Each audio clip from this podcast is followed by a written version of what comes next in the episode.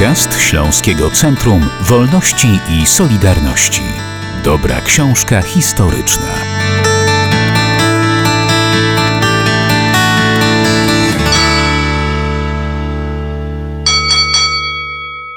Najpierw była biografia Malucha, teraz po pewnym czasie otrzymujemy nowe wydanie książki Przemysława Semczuka Maluch Wielka Podróż Małego Fiata z ziemi włoskiej do Polski. Prawie 200 zdjęć w tej nowej książce zamieściłeś. Przemysław Semczuk jest dzisiaj gościem podcastu Śląskiego Centrum Wolności i Solidarności. Witamy Cię serdecznie. Witam serdecznie, zamiast dzień dobry będzie brum brum. I jeszcze my się przywitamy, Aneta Kuberska. I Sylwester Strzałkowski. Maluchem jeździł e, sołtys e, w Niema Mocnych, maluchem jeździł przede wszystkim inżynier Karwowski. I maluchem jeździło kilka milionów Polaków, a biorąc pod uwagę, że najczęściej to były polskie rodziny, to w ogóle należałoby powiedzieć, że większość z tych, którzy pamiętają, żyli w czasach PRL-u, ma doświadczenie podróżowania maluchem, chociaż maluch to jest dłuższa historia niż tylko PRL, ale to jest historia 50-letnia. W ubiegłym roku polskiemu Fiatowi 126 minęła 50, obchodził 50 urodziny, choć ta historia, jeśli chodzi o ten model samochodu, jeśli chodzi o malucha, zaczyna się nieco wcześniej i zaczyna się oczywiście we Włoszech. Jak to się stało, że maluch stał się polskim Fiatem, a tak mniej włoskim?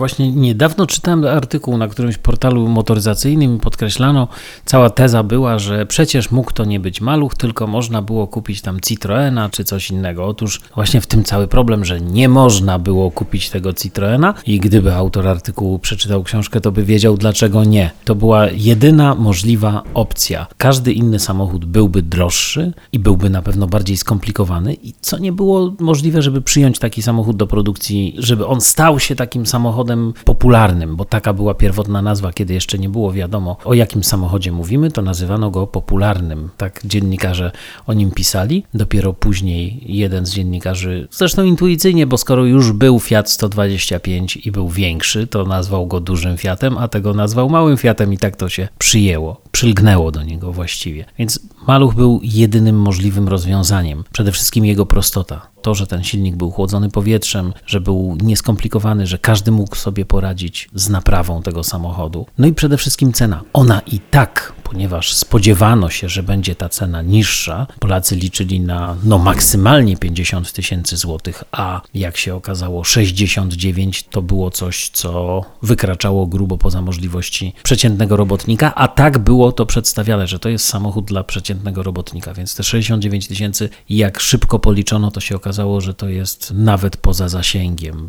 Tacy przeciętni ludzie, którzy nawet w miarę nieźle sobie radzili, zarabiali, to odłożenie takich pieniędzy, żeby móc co miesiąc spłacać te raty, przedpłaty właściwie, bo to był taki odwrócony system ratalny, no nie byli sobie w stanie na to, na to pozwolić. Ta historia jest nawet dłuższa faktycznie, bo te 50. urodziny ubiegłoroczne to są trochę takie spóźnione, bo ja na okładce z premedytacją umieściłem rok 72 właściwie, a nie 73, bo wtedy faktycznie pierwsze maluchy zaprezentowano w listopadzie na placu Defilat w Warszawie, a de facto jakbyśmy się zastanowili, to maluch rodził się w 70 pierwszym, bo wtedy prototypy powstały i wtedy zszedł z desek kreślarskich, więc, więc już ma troszkę ponad 50, mówiąc szczerze. Historia współpracy z Fiatem jest o wiele, wiele dłuższa, bo, bo sięga faktycznie dwudziestolecia międzywojennego. I to jest także jeden z elementów, który miał wpływ na to, że wybrano Fiata jednak. Tam były jakieś pomysły oczywiście o tym, żeby kupić licencję na japońskie samochody, a tutaj przede wszystkim rolę odgrywała tak odległość od licencjonodawcy, bo to jest jednak dużo dalej niż do Włoch. Dwa, bariera językowa dużo większa i bariera kulturowa. A skoro mieliśmy już współpracę z Włochami, bo ten Fiat 125 był produkowany, szlaki były przetarte, to to było wszystko bardzo proste, żeby wdrożyć kolejny model. Mówi się do dzisiaj maluch, mały Fiat albo Fiat 126P. I na to P chciałem zwrócić uwagę, bo to odróżnia polskiego malucha od Fiata 126, czyli włoskiego oryginału. Prosty, tani, ale polska wersja była prostsza i tańsza od włoskiej, czy nie? Dokonano jakichś zmian, które odchudziły, potaniły produkcję, czy niekoniecznie? Nie, wręcz przeciwnie. Nawet wprowadzono dodatkowe elementy, na które natychmiast zwrócono uwagę, że jest potrzebny zamek w klapie komory silnika, no bo jednak zaraz ktoś otworzy i coś sobie weźmie. Nawet podczas prezentacji w 72 roku, kiedy Ekspres Wieczorny zrobił taką trasę wokół Polski, rajd, gdzie prezentowano te maluchy, to w Poznaniu. Tam podczas prezentacji, kiedy tłum mógł podejść, dotknąć, pomacać, to nagle się okazało, że zniknęły kable zapłonowe i kopułka, bo ktoś stwierdził, że malucha prędko miał nie będzie, ale przynajmniej będzie miał kawałek malucha. Na szczęście mieli takie części zapasowe, ale już potem pilnowano. Ten zamek był potrzebny mimo wszystko, no i przede wszystkim też y, korek wlewu paliwa, który na kluczyk był zamykany. Paliwo było cenne, przecież można było w nocy przyjść z wężykiem, odkręcić sobie korek i spuścić paliwo. No więc takich zmian było, było trochę, takich zabezpieczających, może kosmetycznych, ale jednak trochę się zdarzało. Włoski Fiat, no przede wszystkim ta literka P, tak. Włosi dali nam pozwolenie na używanie tej literki, czyli określenie tego polskiego Fiata. I to też ma swoją tradycję już w dwudziestoleciu międzywojennym, gdzie wtedy też byliśmy jedynym krajem, który kupił licencję i produkował Fiata 506, 508, jeśli dobrze pamiętam, i też z literką P. Początkowo składano włoskie modele, a później już z literką P. I teraz, kiedy nagle pojawia się na naszych drogach maluszek, to też jest ciekawe, że już podczas tej prezentacji właśnie w 72 roku, podczas tego rajdu ekspresu, to były Fiaty 126, które przyjechały z Włoch, ale mimo wszystko dziennikarze pisali 126P. Już od razu był to polski Fiat. Podkreślano, że to jest właśnie ten nasz już polski samochód. Stracił ten przydomek popularnego. Chociaż można by powiedzieć o właśnie P jak popularny, prawda? Też, też pasuje. To taki koloryt tamtego czasu. On stał się symbolem epoki Gierka, bo wtedy rzeczywiście zaczął jeździć po polskich drogach, ale rzeczywiście powinien być symbolem epoki Gierka, czy jednak dopiero lat 80., ile tych maluchów w latach 70. powstało, biorąc też pod uwagę to, o czym mówiłeś, że no, trzeba było najpierw jakby zapłacić za tego malucha, żeby zdobyć e, na niego talon, a to nie była wcale taka prosta rzecz dla zwykłego Kowalskiego. Zdecydowanie jednak symbol epoki Gierka i one wbrew pozorom bardzo szybko pojawiły się na polskich drogach. Część oczywiście musiała przedpłaty zakładać, wpłacano w PKO pieniądze, co mnie zaskoczyło. Bardzo wiele osób od razu wpłacało pełną kwotę, czyli byli ludzie, którzy mieli odłożone takie pieniądze, stać ich było na to, żeby takie pieniądze zapłacić i oni brali bardzo szybko udział w losowaniach tych pierwszych maluszków i wyjeżdżali na drogi, ale z pierwszej produkcji, to jest też istotne, podeszły do tego władze propagandowo. Z pierwszej produkcji od razu Fiaty otrzymali robotnicy, otrzymali zgodę na zakup, o tak, ten przydział słynny, taki bardziej talonowy, robotnicy, którzy pracowali przy produkcji, ale nie tylko w fabryce w Bielsku Białej. Z pierwszych Fiacików otrzymali robotnicy z Huty Warszawa. I te Fiaciki, no ponad 200, pojawiły się od razu na ulicach Warszawy. Jeździli nimi właśnie zwykli hutnicy. To nie byli żadni decydenci, żadni bogacze, badylarze, tylko zwykli robotnicy. I faktycznie Fiaciki jeździły. Zdecydowanie jest to symbol czasów Gierka, bo już w latach 80. Maluch spotykał się z dosyć dużą krytyką. Dwa, że zaczął kuleć troszkę, bo i jakość zaczęła spadać w tych trudniejszych czasach. Braki były dosyć duże. Fabryka miała dużo większą możliwość produkcyjną już, ale zaczynało brakować nawet części zamiennych i często utykały maluchy na fabrycznych parkingach, bo brakowało na przykład kół, więc wyjeżdżały z fabryki, stawiano je na cegłach, odkręcano koła, koła wracały do fabryki, żeby następny maluch mógł wyjechać i tak stały całe place maluchów bez kół, albo na przykład zabrakło kierownic, więc kierowcy fabryczni wyjeżdżali na parking, zabierali kierownicę i biegli po następny samochód. Jak się pojawiały kierownice, to je dokręcano i wysyłano samochody do sprzedaży. Taki to był dziwny trochę system, ale działał. Symbol epoki Gierka, bo wtedy się maluch pojawił, ale też e, chyba trochę dlatego, że no przynajmniej tak na to patrzymy dzisiaj, e, za czasów Edwarda Gierka była próba otwarcia gospodarki na zachód. Tak dzisiaj wielu osób wspomina, że w sklepach było więcej towarów. Później się to wszystko zaczęło psuć, bo to ekonomicznie się nie udało. Jak w tym wszystkim znaleźć malucha w tej politycznej i ekonomicznej układance czasów Gierka? Chyba całkiem dobrze Chyba całkiem dobrze. Mówisz próba. To nawet nie była próba, bo to wyszło. Rzeczywiście inwestycje były ogromne. Nawet nie tyle na ekonomii to musiało się wywrócić. To się wywróciło na systemie zarządzania.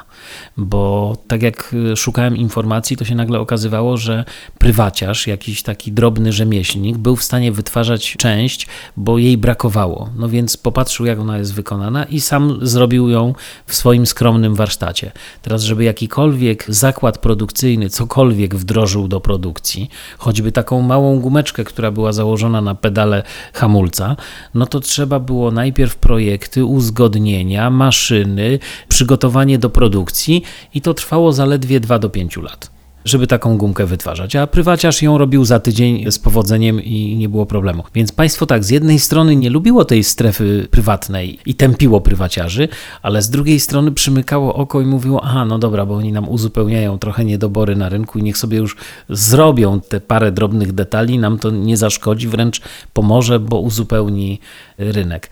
Te niedobory były rzeczywiście dużą bolączką i to kulało. Mimo wszystko można założyć trochę ryzykownie, że jednak Polska rosła w siłę w tamtym czasie. Ja kiedyś pamiętam, rozmawiałem z Andrzejem Gwiazdą i on zaczął opowiadać coś, co trochę mnie zaskoczyło, bo mówił, że ta gospodarka nasza była na tyle prężna pod koniec lat 80., mimo że, że my dzisiaj na nią patrzymy tak, że kulała, prawda? Że pojechał na jakieś spotkanie na zachodzie i oni nie bardzo wiedzieli, że mają do czynienia z opozycjonistą. Myśleli, że on jest jakimś partyjnym i mówią, tak, ale jak to się otworzy rynek, to wy macie duże możliwości i wy będziecie stwarzać dla nas konkurencję. On z rozbawieniem to opowiadał. No i faktycznie, jednak kiedy upada komunizm, to co się dzieje? No oni przede wszystkim najpierw wykupują te zakłady, które są dla nich konkurencyjne, ale tylko po to, żeby je zlikwidować no, mnóstwo fabryk w ten sposób zniknęło z mapy. Kiedyś pamiętam, byłem na Dolnym Śląsku i oglądałem jedno z takich ostatnich wiejskich kin. No, wieś miała wcześniej 5 tysięcy mieszkańców, więc tak można powiedzieć, że niezłe miasto. I pan, który prowadził to kino jeszcze w, w latach dwutysięcznych, mówi: Ja panu pokażę. Wsiedliśmy w jego syrenkę, wyjechaliśmy właściwie już za tablicę wsi. Zatrzymał samochód, wysiada ze mną, pokazuje mi, mówi: Widzi pan to pole? Ja mówię: No widzę. On mówi: tu stała cementownia. Ja mówię, ale jak cementownia? To gdzie ona się podziała? Mówi, wie pan, Turek kupił i cement w magazynie był więcej wart niż to, co on zapłacił, a cementownię porżnął na złom. Widzi pan, tu jest taki dół. To myśmy tutaj społecznie budowali szatnie dla pracowników. To nawet cegły z fundamentów rozebrali. Mówi, i zniknęła cała fabryka. Z taką nostalgią i z przykrością o tym opowiadał. Więc ta historia zatoczyła zupełnie takie dziwne koło. Historia Malucha też sięga oczywiście tych czasów, bo Maluch był produkowany do, do 2000 roku. Zresztą skończył happy endem, prawda? No skończył happy endem, taką krótką serią tysiąca sztuk w dwóch kolorach, żółty i czerwony. No i teraz to są samochody bardzo poszukiwane z tej krótkiej serii. Jak ktoś jeszcze ma, to jest bogaty, można tak powiedzieć, bo kolekcjonerzy potrafią za takie auto zapłacić e, sporo pieniędzy. Skoro był absolutnym fenomenem, jeśli chodzi o polską motoryzację, to jak zmienił społeczeństwo polskie? Można mówić o pewnej rewolucji kulturowej czy społecznej, do której doszło w Polsce w PRL-u za sprawą malucha.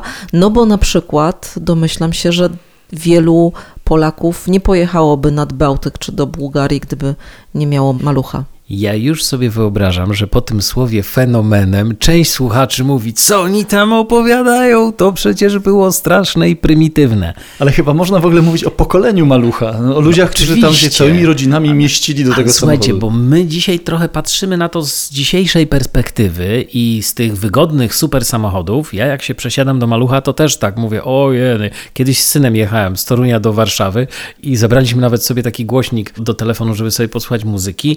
Okazało okazało się, że się nie da, bo tam jest taki ryk, że tej muzyki nie słychać, a siedzimy, syn jest trochę wyższy ode mnie, więc siedzimy tacy ściśnięci, opieramy się ramię o ramię i on w którymś momencie pyta tatku, a w tym PRL-u to wszyscy byli tacy malutcy? Ja mówię, nie, byli normalnie, tacy duzi, byli nawet więksi, to ci to wyciągali fotel i siedzieli z tyłu na kanapie, bez przedniego fotela. No dzisiaj to podejrzewam, że jakby policjant zobaczył na drodze kogoś bez przedniego fotela, to nie wyobrażam sobie wysokości mandatu ale okej. Okay. I my patrzymy z dzisiejszej perspektywy, a wtedy, a wtedy to nie było nic. nie było nic, więc jeżeli dostało się malucha i to był jedyny środek nagle transportu, na który nas było stać i on rzeczywiście pozwalał na to, żeby pojechać nawet do Bułgarii, gdzieś ruszyć w świat, tak jak w książce zamieszczam relację Janusza Chmiela, który wraz z kolegami ruszyli rzeczywiście w podróż dookoła świata. I on to tak fajnie opowiada, że, że koleżanka zażartowała, bo mówi, o ty masz teraz malucha, to ty możesz wszędzie pojechać, cały świat objechać. I on się zaczął śmiać, a po chwili mówi, no rzeczywiście mogę. I tak ruszyli w podróż dookoła świata dwoma maluchami. Fantastyczna przygoda, fantastyczna opowieść i faktycznie tak było. To był pewien fenomen. To się zmienił cały obraz społeczeństwa, cały obraz kulturalny też się zmienił. Ludzie, relacje między ludźmi. Mnóstwo udało mi się odnaleźć takich artykułów z tamtego czasu, gdzie nawet y, pan minister Wrzaszczyk mówi, że teraz się zmieni, bo ten, który jedzie autobusem czy idzie pieszo, będzie patrzył z zazdrością na tego, który mimo wszystko jedzie samochodem, a tamtemu podskoczy status społeczny i ci ludzie inaczej będą na siebie patrzeć, zazdrościć sobie. Faktycznie dużo się zmieniło. Niby niewielki samochód, a jak wielkie zmiany nastąpiły dzięki niemu. O tym, jak powstał y, mały Fiat, jak trafił do Polski, jak zmienił naszą gospodarkę i zmienił nasze społeczeństwo, o tym piszesz w książce, o której dzisiaj rozmawiamy. Czy ci, którzy mieli malucha, którzy podróżowali, o czym mówimy właśnie, odnajdą tam swoje przygody? Czy ci, którzy nie mieli i nie jeździli, poznają rzeczywistość w maluchu z tej książki? Ja myślę, że to jest fajna przygoda, bo też jak rozmawiam z mnóstwo osób, które czytają tę książkę, to są młodzi ludzie tacy dwudziestoparoletni, którzy dzisiaj kupują maluchy, remontują i nimi jeżdżą i są zachwyceni i mówią: O, dzięki tej książce możemy poznać historię, jak to było, cofnąć się w czasie. Więc to jest też dla nich cenne, bo oni nie pamiętają tego świata. On jest dla nich w dużej mierze abstrakcyjny, w dużej mierze operują jakimiś stereotypami, które gdzieś usłyszeli, że coś było zupełnie nonsensowne z dzisiejszej perspektywy.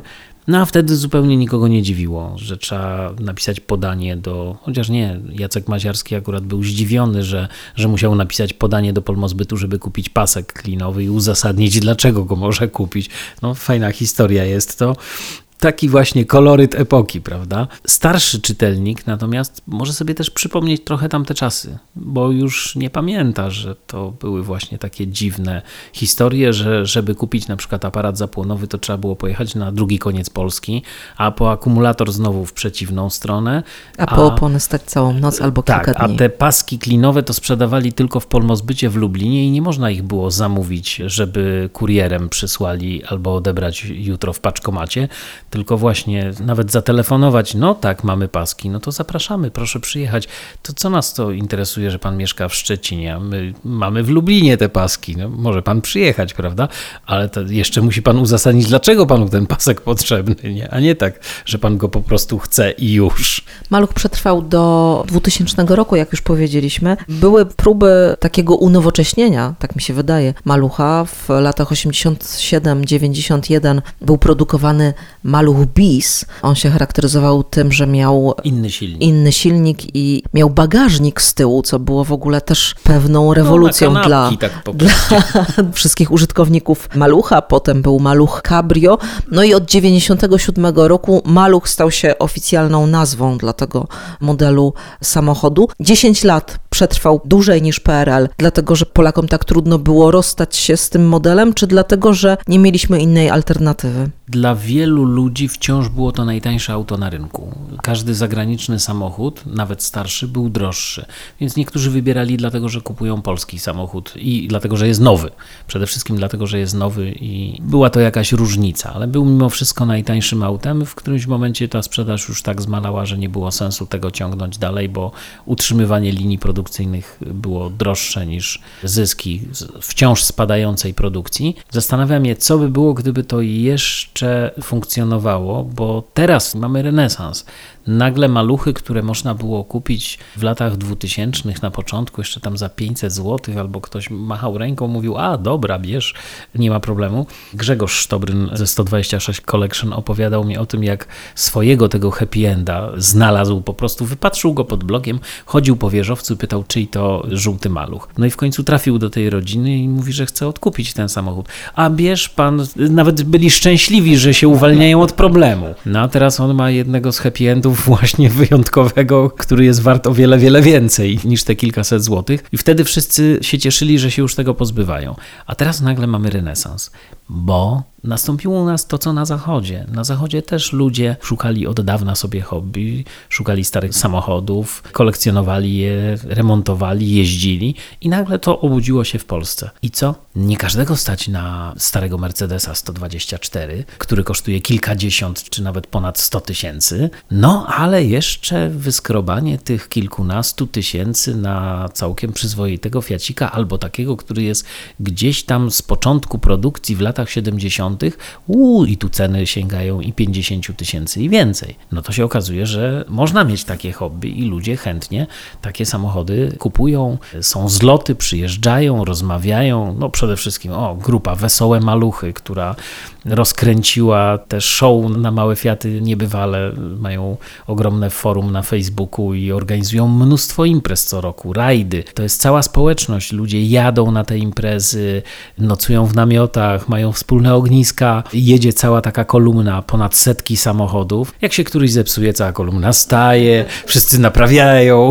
Jest, jest w tym dużo zabawy. Nawet wiozą za sobą jakieś większe auto z lawetą, że jak coś poważniejszego, to już dalej pojedzie na lawecie, ale mechaników w takiej kolumnie jest mnóstwo. No właśnie Izabela i Andrzej Marzewscy i Krzysztof jeszcze z nimi rozkręcili tę grupę Wesołe Maluchy do niebotycznych rozmiarów. No, to jest chyba największy fanklub, jaki można sobie wyobrazić. No i przede wszystkim ta nostalgia, nie? Wracają do tamtych czasów. I dzieciaki, o to jest zastanawiające. Mi się zdarzały takie sytuacje właśnie na zlotach, gdzie podchodziła rodzina z takim malcem siedmiu czy dziesięcioletnim, który wyciągał pieniądze, bo to on sobie kupi tę książkę i jeszcze dostanie autograf. I pamiętam takiego małego, któremu podpisywałem książkę, on się po prostu rozpłakał z tego szczęścia, że on ma wreszcie swoją książkę o historii malucha. Albo też ktoś mi opowiadał, że no, dziecko takie siedmioletnie każe, żeby mu czytać. No. I ja mówię, no ale to niekoniecznie jest książka dla dzieci, bo, bo ta historia PRL-u, tego całego tła społecznego, tego wszystkiego, co się działo, to w końcu te, takie dziecko jeszcze nie rozumie. Nie szkodzi, każe czytać codziennie przed snem godzinę czytamy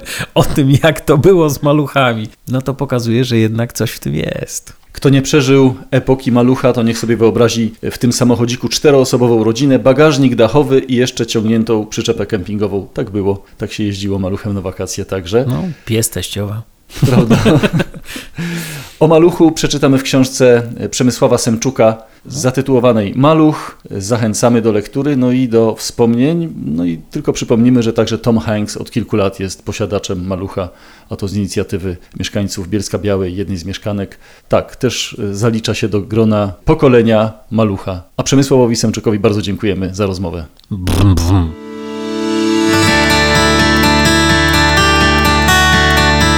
Dobra książka historyczna. Podcast Śląskiego Centrum Wolności i Solidarności.